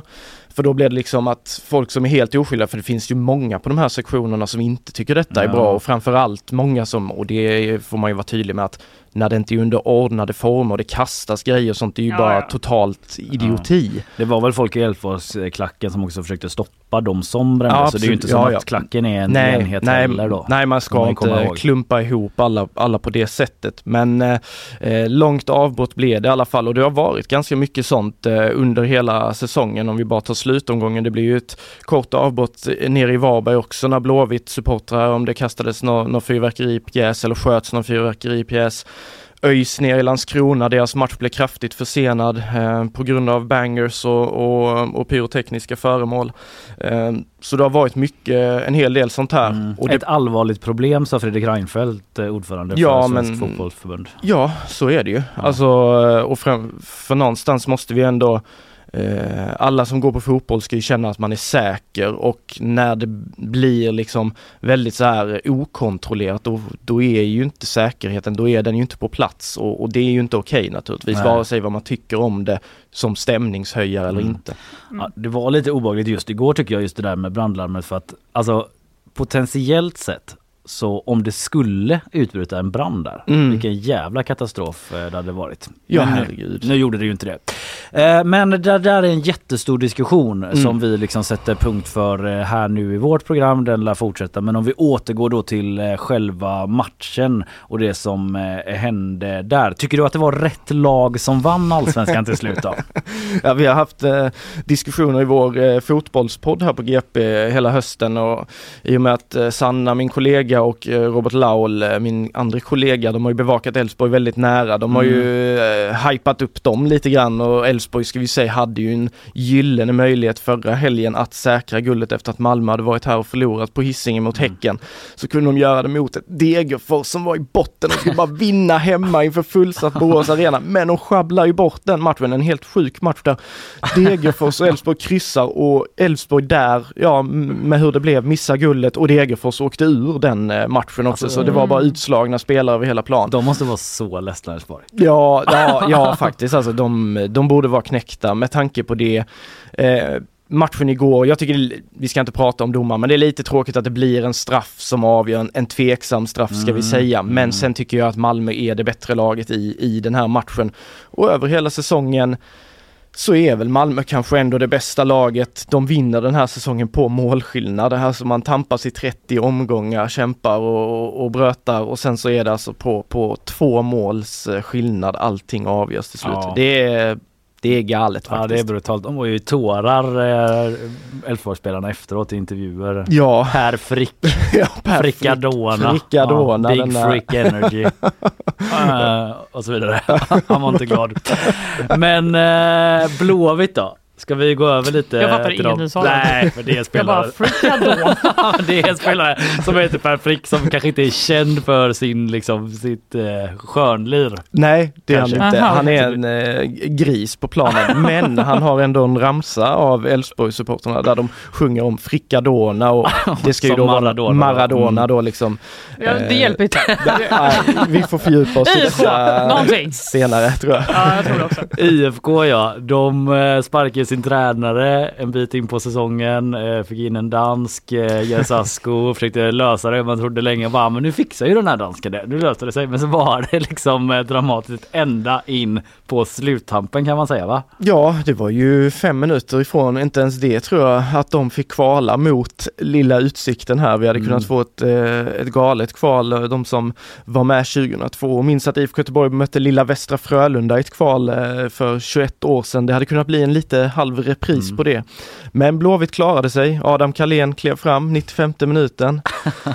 på ett jävla inlägg och bara stångar sig fram och, och hänger dit en tjusig volley får man ju säga. Eh, Så de firar ju vilt eh, Blåvitt-supportrarna även om det inte egentligen är så mycket att, att fira så är de kvar i allsvenskan Nej, och De stormade också planen. lite- Ja de gjorde det, gäng. lite sådär halvstormning. Ja, Ja, de kunde inte hålla sig alltså. Man kan väl bara i kontext, alltså om Blåvitt skulle åka ur, det är ju inte bara det att det är pinigt och dåligt eh, jobbat utan det är också skitmycket pengar som man torskar. Och Ja, typ folk, man måste sparka folk och Absolut. det är liksom katastrof på många plan. Ja, det är ju två helt olika världar, allsvenskan och superettan. Det finns ju ett centralt SEF-bidrag där som är avsevärt mycket högre i allsvenskan och eh, dessutom alltså sponsorer och publikintäkter och så tenderar ju att bli mycket lägre i superettan även om jag tror Blåvitt hade haft ett starkt stöd oavsett. Men nej, det, det deras säsong är ju, även om de gjorde en bra höst här och ryckte upp sig lite innan de chokade på slutet så, så eh, är det ju ett enda mörker liksom. Mikael Stare eh, försvann innan säsongen ens och sen eh, då de interimtränaren som tog över William Lundin, Alexander Tengri, de vann ju knappt en match liksom. Nej, innan dansken kom in och, och fick lite ordning på det men jag tror Mycket de, press på honom ändå. Ja det var det ju. Eh, jag tror de var också lite chockade för de trodde nog att det var ganska lugnt här i höstas när Marcus Ja. Berg han klev fram och avgjorde match efter match och alla tänkte nog att ja, men Blåvitt seglar lugnt här i slutet och sen så faller de ihop och förlorar massa matcher på slutet och så blev det då så sjukt dramatiskt som det blev. Ja, eh, ja, det är ju inte helt över för alla då. Nej, det är inte det. eh, Utsikten ska kvala som du sa eh, upp till Allsvenskan och ÖIS eh, för att hålla sig kvar i Superettan. Mm. Avslutningsvis Robert Laul, eh, din kollega som du nämnt, han skrev i en krönika att 2023 var ett bedrövligt allsvenskt år. Håller du med om det? Ni håller ju inte med, jag lyssnar ju på Laul med vänner i podden. Eh, ja, nej men det gör Ni stångas ju en del, Ja, det gör, vilket man alltså, gillar. Ja, det, det måste det ju få vara. Nej men jag fattar ju där att Robban eh, jag kan förstå de känslorna eh, när man är på plats i Malmö. Du har den stora guldmatchen som alla, alltså det, det var sjunde gången i Allsvenskans hundraåriga historia som allting avgörs mellan de två topplagen i sista matchen, att vi får en ren guldfinal. Eh, och att det blir så som det blir, alltså en timmes avbrott, en match pågår i tre, fyra timmar.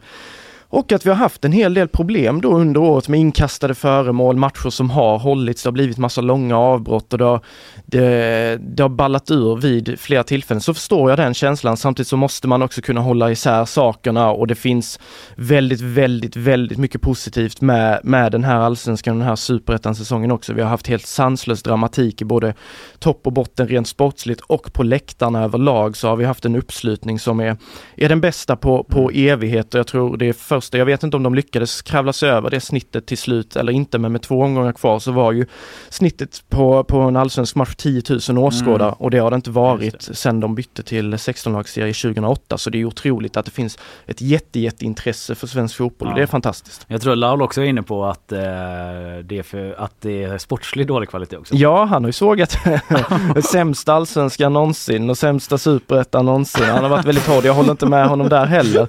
Eh, men det baserar han ju på att BK Häck Häcken då, som de har ju varit ute och spelat Europagruppspel i Europa League och de har ju blivit helt överkörda där i flera matcher. Ja. Och han menar då på att ja, men det säger allting om, om den allsvenska kvaliteten. Vi har bara Häcken som går ut i, i gruppspel och de eh, gör inget vidare där. Det säger allt om allsvenskan. Jag tycker inte riktigt att man, man bara kan hänga upp sig på det liksom. Nej.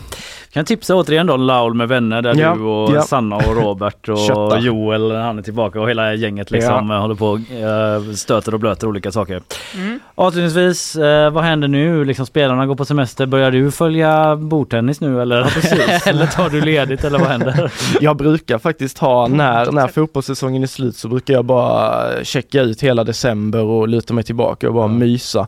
Eh, Gud, vad trevligt. eh, ja, men, eh, och det kommer jag göra i år också, men jag ska vara föräldraledig faktiskt. Ja, ja, ja. några, några månader med, med min lilla dotter på, på ett och ett halvt år. Eh, så det blir mys med henne och sen är jag väl tillbaka någon gång eh, innan det drar igång till våren igen. Mm. Eh, och det blir ju en häftig allsvenska med Gais uppe nu och Blåvitt hänger kvar och Häcken är där och Elfsborg är där och ja, kanske Utsikten också. Vi får Ja. se. Det kommer bli häftigt i alla fall. Längtar redan. Ja men lite gör man väl. Tusen tack eh, Filip Troler från GP Sporten. Tack, tack. Tack ska du ha.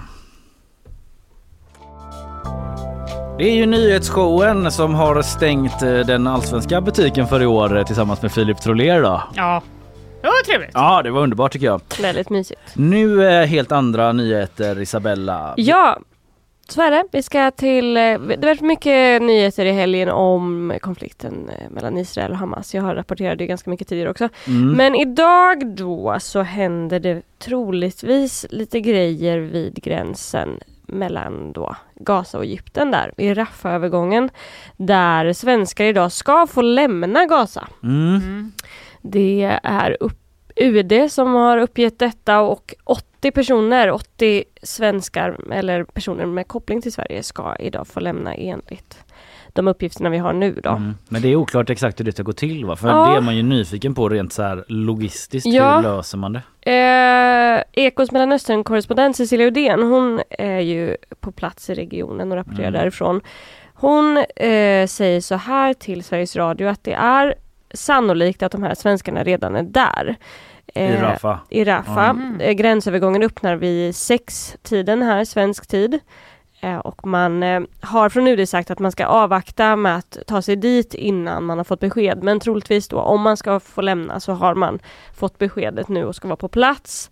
Och om man kommer över gränsen så möts man av ett team från svenska ambassaden i Kairo eh, och ska bussas till Kairo där man får ett eh, tillfälligt visum på 72 timmar och sen så då så har man 72 timmar på sig att lämna och ta sig till Sverige. Mm. Så det är så det verkar eh, eller så man säger att det ska gå till i alla fall då. Mm. Sen att man måste eh, skriva på något papper om att man ska betala tillbaka de här pengarna för evakueringen och så vidare. Kanske man behöver ett provisoriskt pass och så vidare. Och så vidare.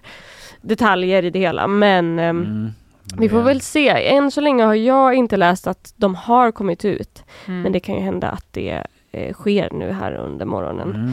Det, Och det- följer vi. Ja, det har ju om, varit ganska omdebatterat det här varför Sverige inte fått ut sina eh, medborgare. Eh, 500 personer har tagit kontakt med UD, Mm. runt cirka 500. Och eh, liksom har önskat få hjälp och man har arbetat med det här. Och UD säger att man samarbetat med lokala myndigheter och sådär. Men andra länder har ju fått ut medborgare tidigare. Igår var en jättestor eh, eh, process där man ev- evakuerade 826 utländska medborgare. Eh, inga svenskar där då, men troligtvis här under morgonen så är det 80 svenskar som ska få lämna området. Mm.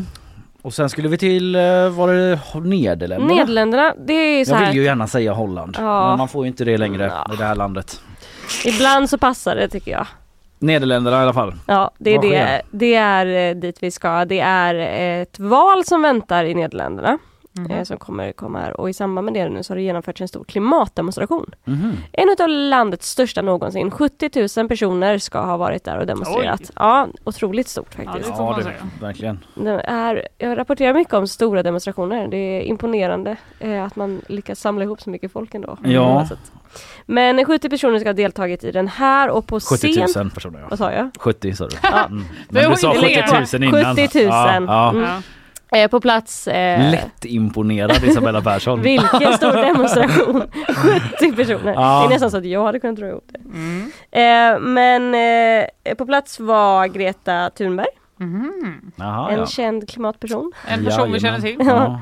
Eh, hon höll ett tal på den här demonstrationen men blev avbruten Jaså. av en man som sprang upp på scenen och ryckte Och mikrofon. mansplainade henne. Ja, så. Stopp, stopp. Ja. Nu ska jag berätta vad jag kan. Det är jag som ska prata. Sätter ner. Nej men den här mannen då, han tyckte, han ropade, tog micken och så ropade han Jag kom hit för en klimatdemonstration, inte en politisk åsikt.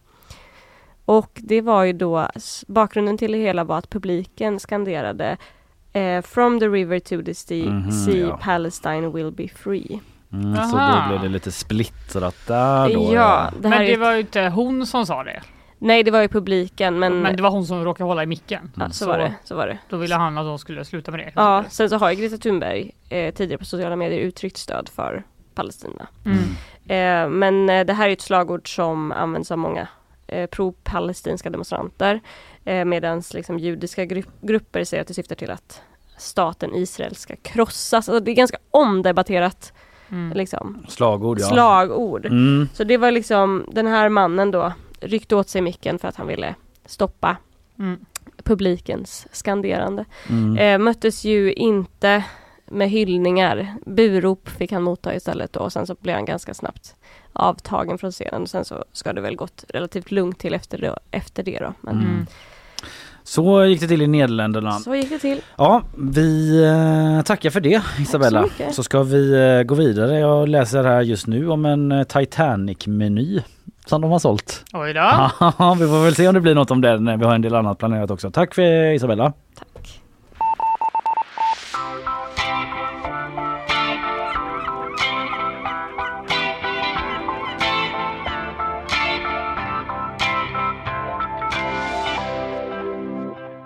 Ska vi gå och eh, prata om bokklubb? Bokklubben. Ja, vad var detta nu Ja, då? det var nämligen så att eh, James Joyce bok eh, Finnegans Wake, Mm. det är inget man bara betar av på en eftermiddag. Nej, det på, ska eh, gudarna veta. Omni.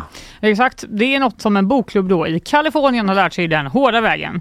Eh, boken brukar beskrivas som en av de svåraste man kan läsa. Och den här bokklubben då har äntligen tagit sig igenom den efter 28 år! Skriver The Guardian. Det låter, det låter lite som en bokklubb för mig på ett sätt. Alltså jag kommer ihåg när jag läste litteraturvetenskap Ja. och då var jag ju ganska ung och hade lite konstig inställning till det. Aha. När man börjar på universitetet att man fortfarande är kvar i ett gymnasietänk, att man bara ska klara tentorna Att det ungefär. löser sig typ.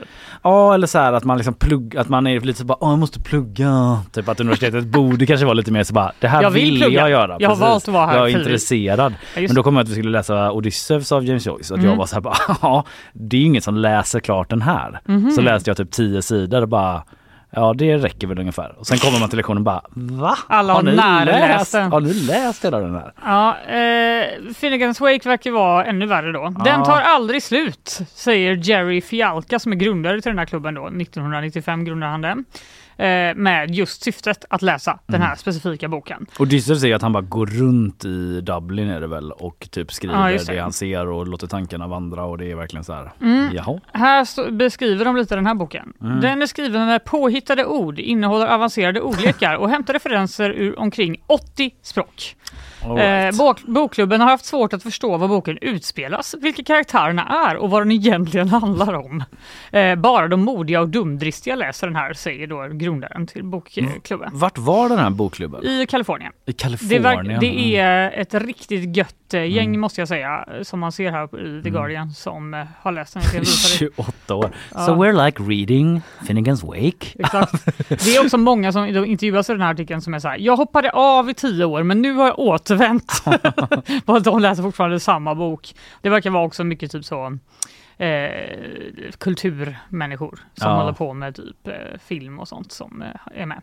Men eh, ja, en, en gång i månaden har de setts för att läsa en eller två sidor. Ja, men då får de den väl 628 sidor långa öka boken. takten lite grann då. Fast okej, man kanske bara kan läsa så lite om man verkligen ska förstå. Exakt, Ja. men då undrar man ju vad fan ska de göra nu?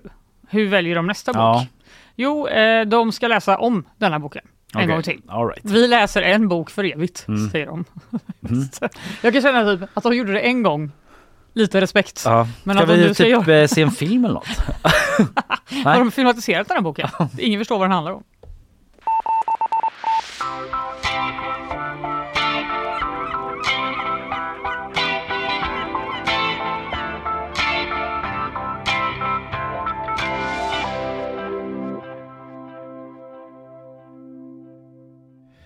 Du, eh, i helgen Fanny så har tusen unga tjejer samlats på Sergels torg. Eh, Tjejer! Jajamän. Åh, tjejer! För att demonstrera för jämställdhet. Nej, skoja. Det var för att en ny sminkaffär skulle öppna. Tjejer roasted. Jag bara, ja, det, så är, det är vad det är. Känner du till eh, sminkföretaget Lyko? Lykos? Ja, det finns här, tror jag. Lykos. Mm. Lyko. Nej, Alltså det finns i Nordstan tror jag. Mm. De skulle öppna då i en, en ny affär eh, vid eh, Sergels torg ungefär i centrala Stockholm och eh, då hade de också utlovats eh, goodiebags. Aha. 500 goodiebags till de första besökarna på plats värda tusentals kronor. Oj! var budskapet från Lyko. Mm. Och då var det ju jättemånga företrädelsevis eh, unga tjejer då som eh, tog sig eh, till platsen för att eh, köa. Mm. Och eh, Aftonbladet eh, var där och pratade med några av dem. Och hur länge har ni varit här och köat? Eh, sen ungefär klockan 12 igår kväll. Mm. Va? Jajamän. Så folk På har alltså natten? varit där över natten. Nej. Jo, sovit på plattan liksom. Det är ju annars nå- inte det man förknippar med så unga tjejer. Att Nej, sova det är på inte plattan. de som brukar sova där. Nej, kanske inte. Och eh, många var ju lockade då av det här erbjudandet. Eh, och eh, det är ändå unga människor som det handlar om då. Eh, Mm. och Aftonbladet eh, ställde frågan. Men eh, vad säger era föräldrar om att ni är här? Ja, de tyckte vi var lite galna men de supportade oss och skjutsade hit oss och liksom köpte frukost och sånt. Ja, mammi och pappi. Skicka med en liten sån Va, Du får frukostpåse. åtminstone äta en macka gumman Ja. om du ska ligga här på Här plattan och har du från Joe and the Juice. En Jag köpte en tropical- grillad, en varm macka så du ska frysa. Lägg den eh, liksom precis under tröjan om det blir kallt. Alltså, det, nej, har inte föräldrar fan. Det- Curlingsamhället gått för långt. Ja men lite typ så att bara, men mamma jag vill sova på plattan och köa för smink. Vad köp lite smink till dem istället då. Ja nu Nej, får ni fan det liksom. var- det Man var kan få en faktiskt- goodiebag för tusen kronor. Va? Du ta, ta tusen kronor här Ja då. verkligen. Hellre den typen av curling i så fall. Ja, ja, skitsamma. eh, Folk gör som de vill med sina Each barn. to his own ja precis. Eh, De kanske hade jättebra argument de här tjejerna. De kanske hade jättekul. klipska. Ja men jag tror att det fanns en viss gemenskap i början också. Att eh, folk liksom, det säger de här tjejerna som vi hörde först, att folk satt liksom och snackade och Mm. typ och Vad gillar du för smink? Ja precis och, och sådär. Att det Mm. fanns väl någon typ av gemenskap i det. Men det som skedde då var att det tog ju en turn for the worse. Att det blev kaos och eh, trängsel då tyvärr. Eh, vi kan eh, lyssna ett litet stycke till. Tjejerna i kön började tränga sig fram och slåss. Folk grät och svimmade. Tryck inte fram!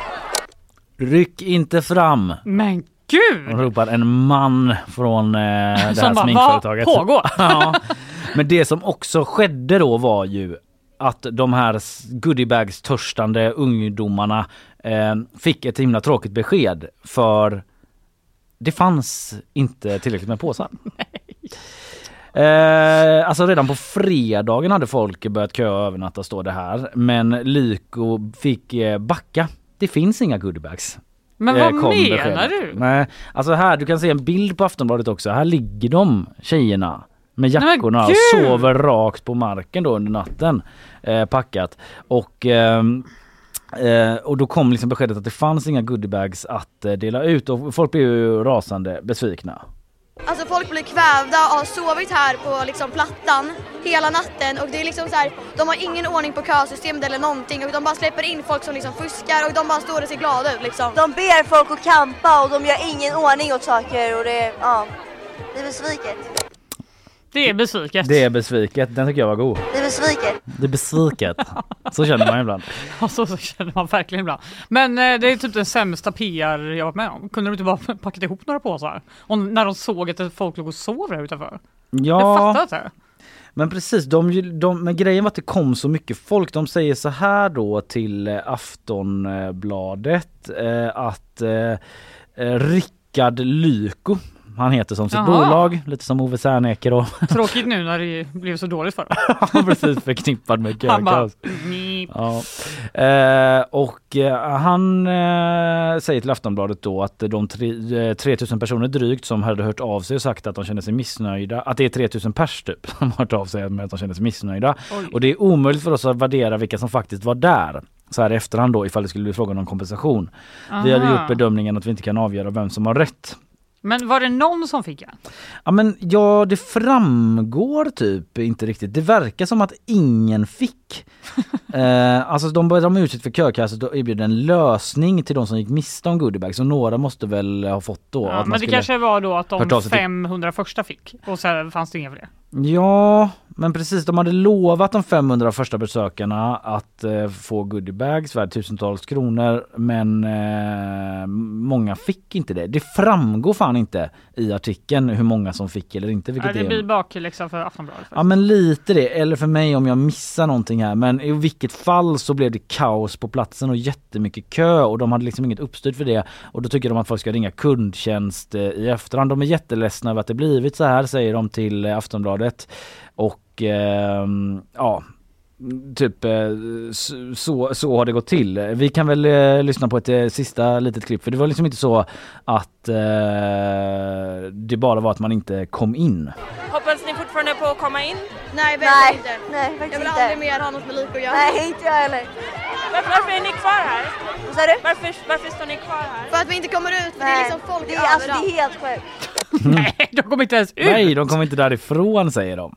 Eh, så eh, Wow, jävligt, jävligt stökigt helt enkelt. Får väl återkomma med eh, hur många som eventuellt fick goodiebagen.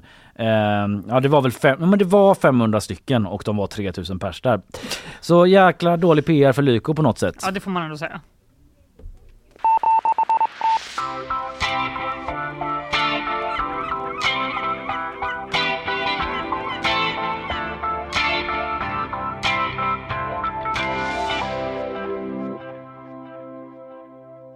Eh, Ska vi prata lite om eh, Pontus Rasmusson kanske?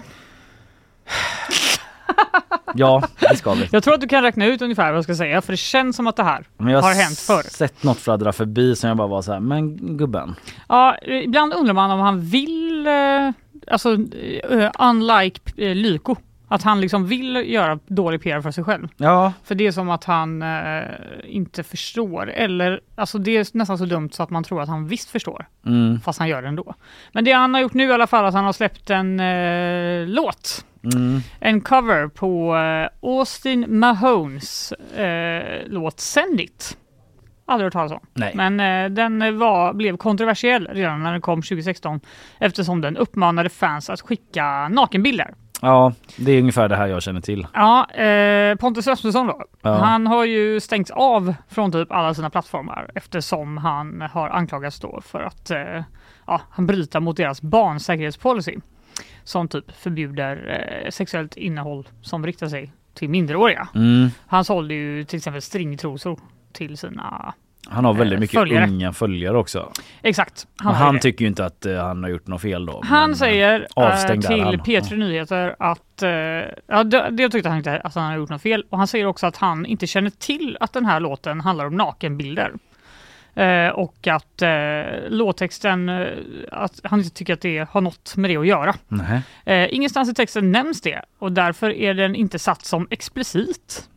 Det brukar ju komma en sån liten skylt som det står på Spotify explicit. typ. Ja, ett litet E. Ja, har du lyssnat på min version? Skriver han till reportern på P3 Nyheter. Ja, varje dag. Eh, nakenbilder var det roligaste idag. Har du lyssnat på Fröken Snusk någon gång? Lite oklart vad han menar med det. Ja, någon sorts what about andra. Ja, jag antar det. Eh, han säger att låten handlar om ett vuxet par som precis har börjat dejta och som skickar helt vanliga bilder till varandra i förtroende om att partnern inte ska visa eller dela dem vidare. Mm. vilken eh, vilken eh, härlig text och passionerad. Man bara, här är min lunch, Mm. men du får inte dela den vidare. Så här ser det ut på mitt jobb. Ja. Säg det inte till någon. nej. Det här var ju förtroende. Eh, den enda textraden som är utbytt då från originallåten låten är Send it to my phone, new, new nude picture. Open leg. Alltså- Den har inte Rasmusson med. Nej, då har han med eh, Send it to my phone, new picture. Ah, okej. Men Så då, han tog bara bort ordet nude. Det tyder ju ändå på att han har gjort någon sorts liten textanalys ändå. Exakt, han har ju valt att ta bort det ordet fast han sa också att han inte förstår att den skulle handla om det. Nej. Det, det går inte heller riktigt ihop. Ah, det är lite svajig argumentation ändå. Ja, jag känner att eh, antingen så bara lever han i en egen liten värld där han inte förstår det här eller så förstår han det visst och vill ha lite uppmärksamhet. Och Ja. nu fick han det av mig. Så grattis eh, Pontus.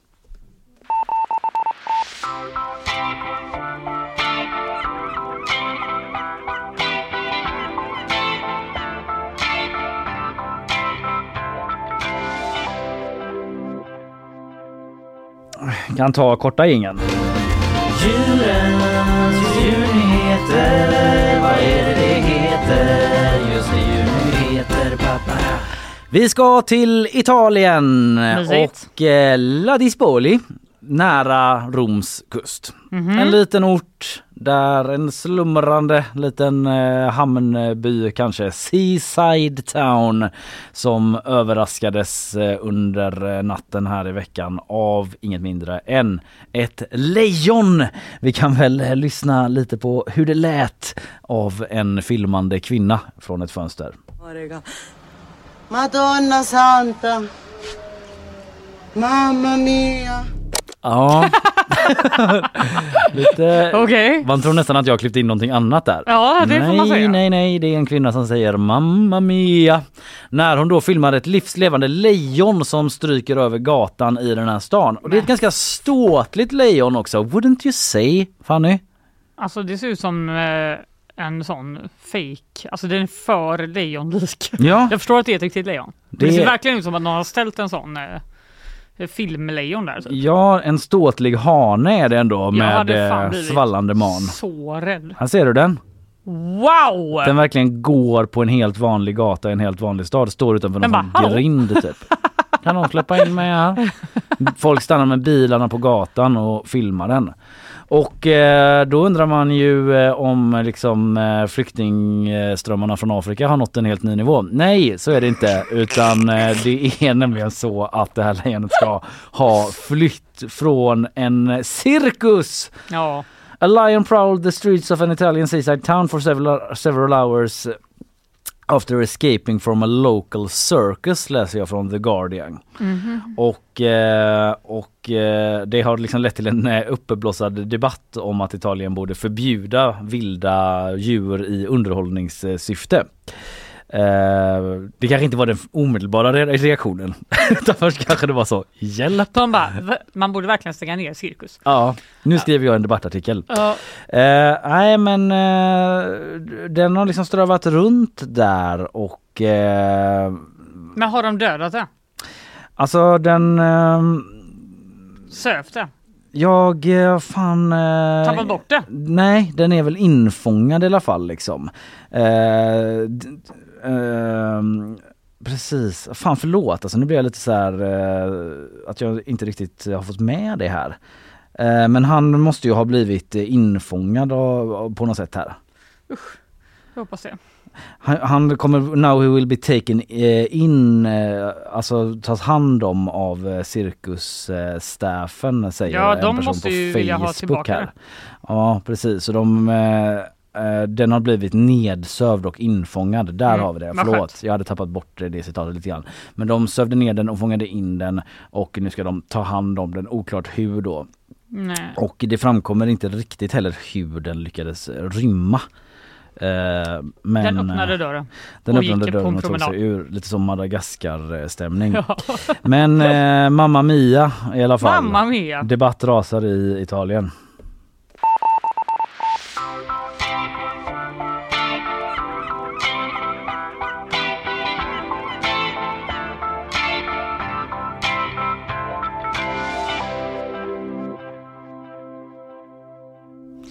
Har du någonsin sett Doctor Who? Nej men jag känner ändå till eh, Att det finns? det, att det finns ja. Ja, jag känner samma. De, eh, serien firar 60-årsjubileum i november. Och eh, tydligen är det så att BBC som har gjort den, de eh, måste erkänna nu att arkivet med 800 avsnitt på kanalens strömningstjänst inte är komplett. Eh, totalt så saknas det 97 avsnitt eh, från den här då kultförklarade seriens eh, första sex år. Och nu har man skickat ut privatspanare som Mhm. har lyckats lokalisera några av kronjuvelerna som sändes på 60-talet hos hängivna samlare. Jaha, typ Problemet är att de inte vill ge ifrån sig dem.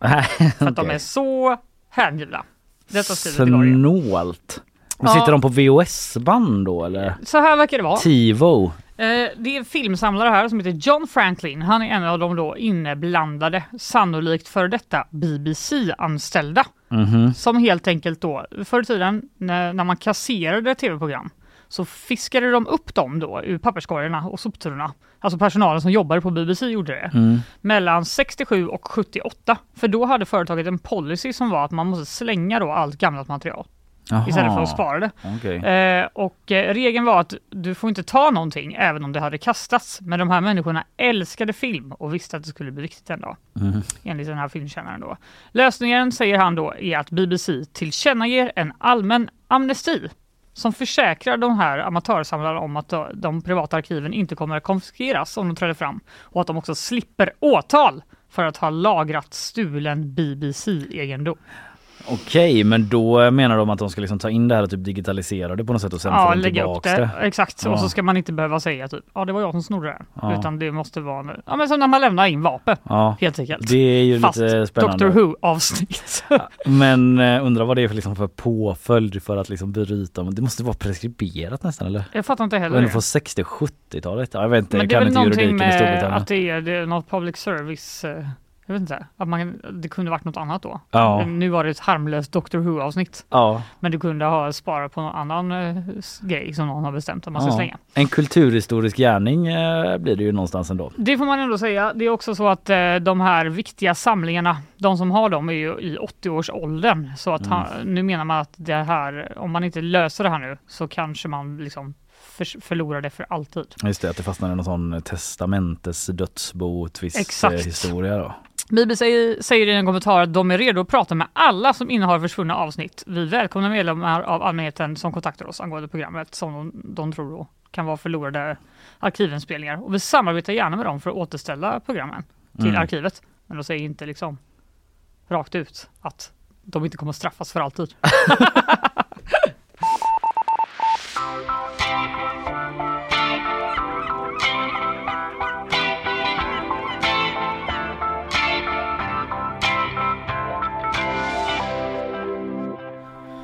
Vi snackade ju förra veckan om eh, att Romina Pourmokhtari, klimat och miljöministern, eh, kritiserat Bianca Ingrosso och hennes livsstil ju. Just det.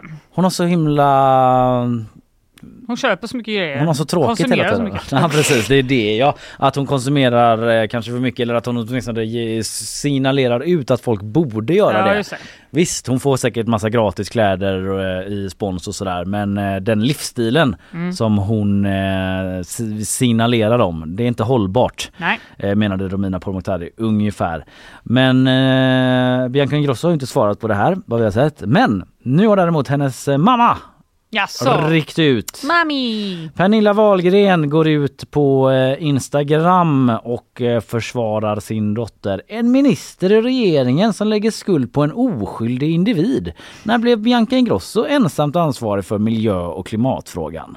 Skriver hon. Eh, det var det väl ingen som sa i och för sig. Ingen sa det. Men, ja. ja. Ja, men jag Men kan förstå det. en eh, filosofisk fråga. Eh, är liksom en enda individ oskyldig? Nej precis, det, jag känner att det, blir väldigt djupt här nu om man verkligen tar in vad hon sa. Ja, bara genom att finnas till så eh, förstör man ju klimatet Ja. nästan. Som Men konsumerande inte, människa. Hon har inte bett om att bli född. Det har hon inte. Nej. Men eh, hon har ju bett, eh, kanske inte heller i och för sig, om att få massa gratis prylar och så. Förmodligen inte. Förmodligen inte. Men hon torgför ju ändå en livsstil som Romina Pourmokhtari. Det är Det Får är ändå ett val hon har tagit. Ja, det hon det. hade kunnat torgföra en livsstil eh, där man eh, klädde sig i en gammal säck. Japp. Men det gör hon inte. Nej. Eh, det är en intervju, nej men precis, om alla följer hennes exempel då så hade jag inte kunnat sova var ju det Romina Ja, Pourmokhtari just sa det. också, att hon hade behövt jobba så hårt då. Det. Men det kanske hon borde göra. Du hade, tänk hur många personer hon hade behövt fördöma i olika intervjuer med Dagens Industri och skambelägga dem. Hon hade Ja. skambelagt folk dagen, året runt. Mm. Ja, eh, Pernilla Wahlgren länkar också till en eh, en krönika av Irena Porsar, chefredaktör på Veckorevyn, som skriver om att det är väl snarare politikerna va? Som bär ett ansvar för klimatkrisen snarare än Bianca Ingrosso. Bara you heard, that's Shots fired. right, säger Pernilla Wahlgren och säger att hon håller med till eh, 100 procent. Så det blev lite beef i alla fall, även om Bianca håller sig för god för att ge sig bara, in. care! Ja, Jag ska gå till Lyko nu. precis. Och så är Pernilla så bara släpp mig! Håll mig inte! Att hon ska backa sin eh, dotter. Ja. Idag eh, har du pratat om ett nytt eh, kreativt förslag för hur Västlänken ska finansieras. Vänersborg ska betala. Ja. Kranskommunerna ska betala! Det tycker en kristdemokratisk eh, politiker här i stan. Ja, eh, jag pratar också om eh, gängens lyxprylar. De Kronofogden tar dem och säljer dem på auktion. Rekordnivåer av vad man får in. Rekord 6 miljoner i månaden. Helt sjukt. Helt sjukt mycket. Jag pratade om Island, eh, det stundande vulkanutbrottet. Magmatunneln. Vi lärde oss ett nytt ord, eh, du och jag va? Fan vad rädd jag blev. Ja, åtminstone jag. Verkligen. Magmatunneln kan explodera och det är under en stad där om vi har riktigt otur. Men eh, folk har evakuerats och det är oroligt på Island. Jag pratade också om att vår koncentrationsförmåga har eh, gått ner ett helt gäng sekunder sedan Ja. senaste mätningen. Usch. Ja, eh, sen hade vi Filip Troler här också som snackade ner hela fotbollshelgen. Ja, det var trevligt. Det var det verkligen. Eh, skandalen, kaoset på läktaren nere i Malmö men också guldfirandet då och eh, ångestsläppet för IFK Göteborg som klarar sig kvar i Allsvenskan. Vi är tillbaka imorgon igen. Ja! Hej då! Hej då.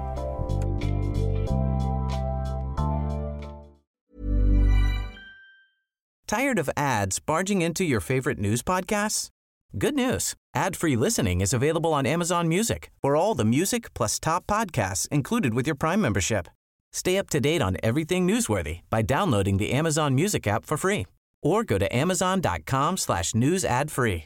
That's amazon.com slash news ad free to catch up on the latest episodes without the ads.